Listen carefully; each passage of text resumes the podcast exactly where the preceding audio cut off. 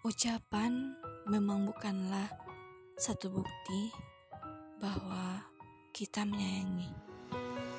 Tapi di hari yang indah ini, di hari yang penuh kenangan ini, aku, anakmu, ingin mengucapkan terima kasih telah menjadi pelopor untuk masa depanku, telah menjadi fondasi untuk setiap langkahku telah menjadi pengayom yang setia menemani. Ayah,